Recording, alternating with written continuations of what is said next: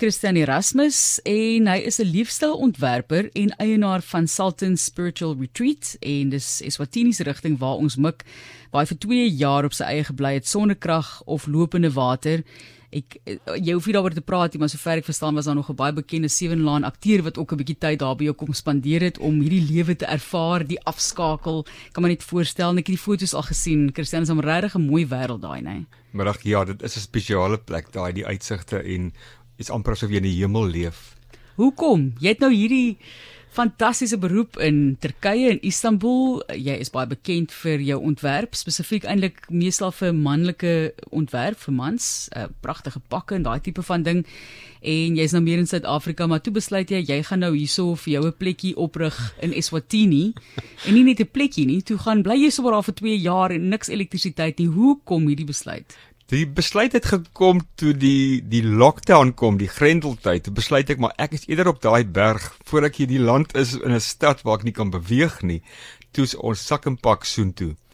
En dit was die begin van hierdie ervaring gewees wat 'n absolute ervaring was en dit het regtig gebeur die dag toe die lockdown begin het is ek en 'n vriendin Swazi Eswatini toe het ons gery en met nog hierdie ander vriend en nog 'n paar ander mense daar by die retreat ook en dit was 'n absolute ervaring gewees en ons het net besluit ons gaan onsself op 'n baie hoë vibrasie hou deur vroeg opstaan met die sonsopkoms. Ons gaan Wim Hof oefeninge doen, ons gaan yoga doen en ehm um, ek moet sê en ons het eintlik ons afgesny van die buitewêreld. Ja, dit klink baie gesond.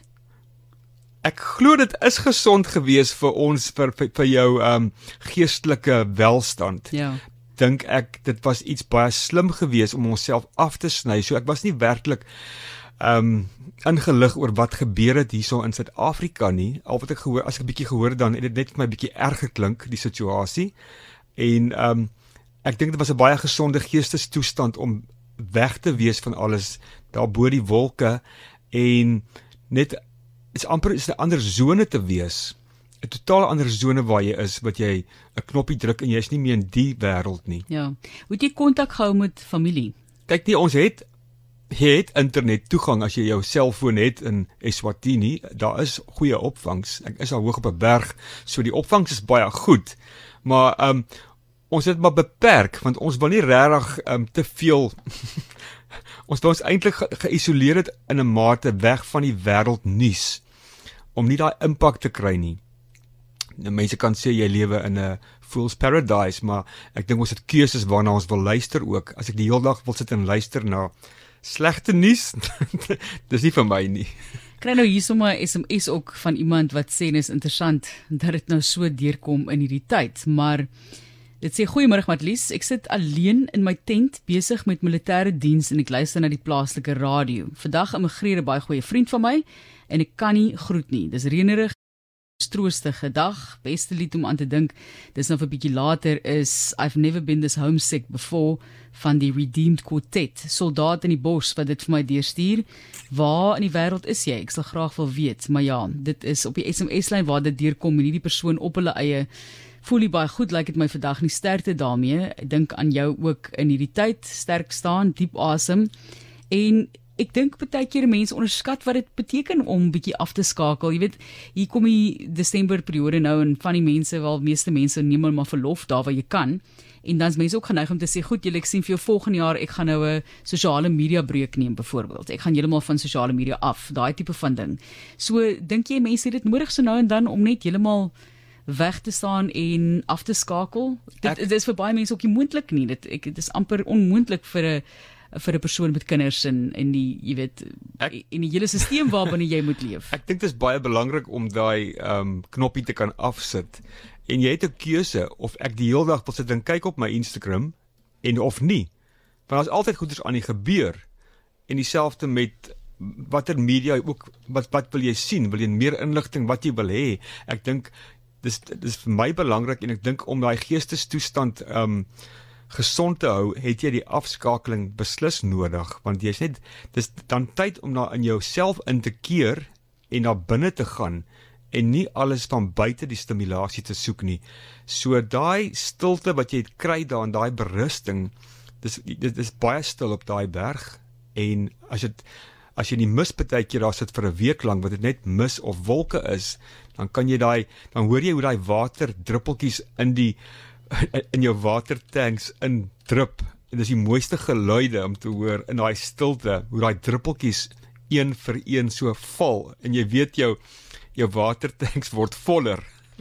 Ja, kom ons praat 'n bietjie daaroor. So dis nou alles 'n fantastiese idee om te sê ek gaan nou afskakel en ek gaan nou na hierdie fantastiese plek en ek gaan my battery herlaai vir 2 jaar en dan sê jy vir my daar's geen elektrisiteit nie en daar's uh, nie lopende water nie. Jy moet reënwater opvang. Dankbaar jy is bo in die berg baie water. Baie hoog, so ek neem aan daar's redelik water. 1500 gemiddeld millimeter per jaar en Sjoe. ons het verlede jaar die meeste reën ooit gehad. Ek weet nie hoeveel reën nie, maar dit het partykeer vir 2 weke lank was dit ons amper nie sonskyn gesien nie dit dit, dit bietjie erg geraak. So ons het baie water. Water is nie 'n probleem nie, maar jy besef wel as jy die water nie gehad het nie, wat dan kan jy nie lewe nie. Ja. Jy kan sonder die krag en al daai goeters gaan, maar as jy nie water het nie, dan het jy werklik 'n 'n probleem. Jy kan nie jou plante plant nie, groente plant nie, jy kan nie was nie, jy kan nie skoolgoed was nie, want jy moet dink al daai water wat ons opvang moet gebruik word vir al ons vir 'n mens skottelgoed was, jou klere was, te gaan bad alles net van ons reënwater wat ons opvang en dit is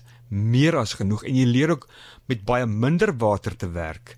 So ewe skielik begin jy my emmertjie water waarmee ek gaan stort, doen ons noem dit 'n Turkish bath wat jy met jou jou jou jou, jou emmer vol water en dan gaan sit jy en dan gooi jy daai water oor jou. Dis warm wel en jy gooi dit oor jou, jy's nat.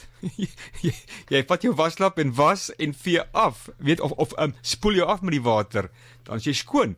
So jy begin besef jy het baie min water nodig om nie so te mors nie. Ja. En jy begin besef jy raak een met die water, die respek van die water. Kom ons praat bietjie oor hoogtepunte, laagtepunte. Was daar 'n tyd gewees wat jy net gedink het, "Wat het ek nou gedink? Is dit nie nou maar tyd om weer ander mense in die oë te gaan kyk in 'n stad of 'n dorp of iets is dit nie? Was daar sulke tye of of voel jy altyd jy was heeltyd positief oor die proses waartoe jy gaan?" Ek was nie ek, ek was altyd positief want jy het wakker geword daar as jy wakker word daar en jy sien waar jy wakker word dan sê jy net baie dankie ehm um, vir die liewe Skepper waar jy is want dit is hemels om daar wakker te word. En dis 'n verskriklike goeie plek vir ek sê ek noem dit die die die die die incubation van van idees.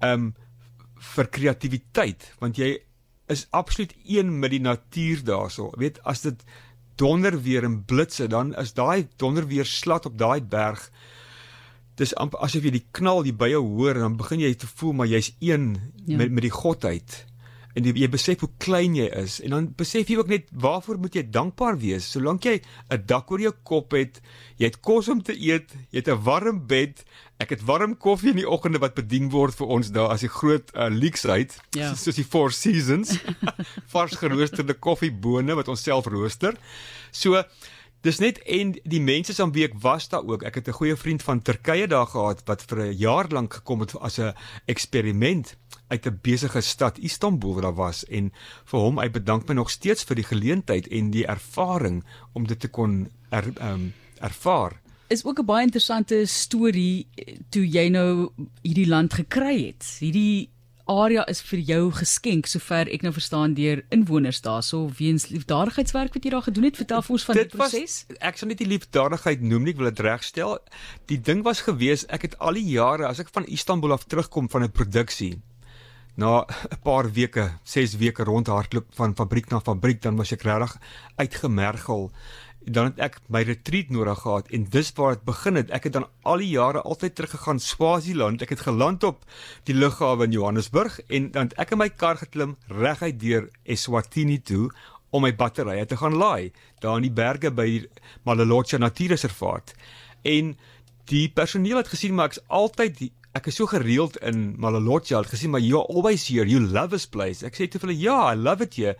En hulle vra maar why don't you come and live here? En ek sê maar hoe? Hulle sê nee maar but we can give you land. En ek dink goed wel, okay.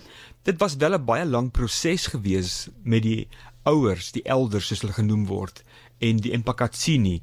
Dis is dis is 'n council van die ouers en die het besluit om vir my hierdie land te gee.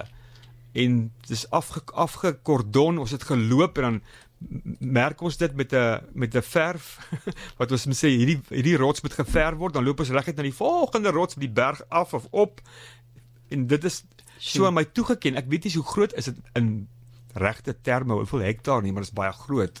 Kan dit vir jou sê dit vat seker 2 ure om om die land te loop so interessante storie en dit is Christian Erasmus wat hier by ons kuier. Hy is 'n leefstylontwerper en die eienaar van Sultan's Spiritual Retreat waar hy vir 2 jaar sonder enige krag en lopende water in Eswatini gebly het tydens hierdie grendeltydperk met COVID en sy lewe in Istanbul gegroet het en verruil het. Jy is nou terug in Suid-Afrika, is jy nou permanent hier? Ek is vir die oomblik is ek nou in Kaapstad en ek het net um besef ek moet um my sterk weer vestig op my um klerebedryf en um ja, dis amper soos 'n nuwe land Kaapstad waar jy begin hierso en kontakte maak en netwerk en al die dinge en ek het die reeks natuurlik verander na meer casual toe, maar die um die tyd op die berg het al hierdie ongelooflike kreatiwiteit geborrel. So ek het daarvan als rekord natuurlik en al die idees is het gemanifesteer en dis nou basies die realisering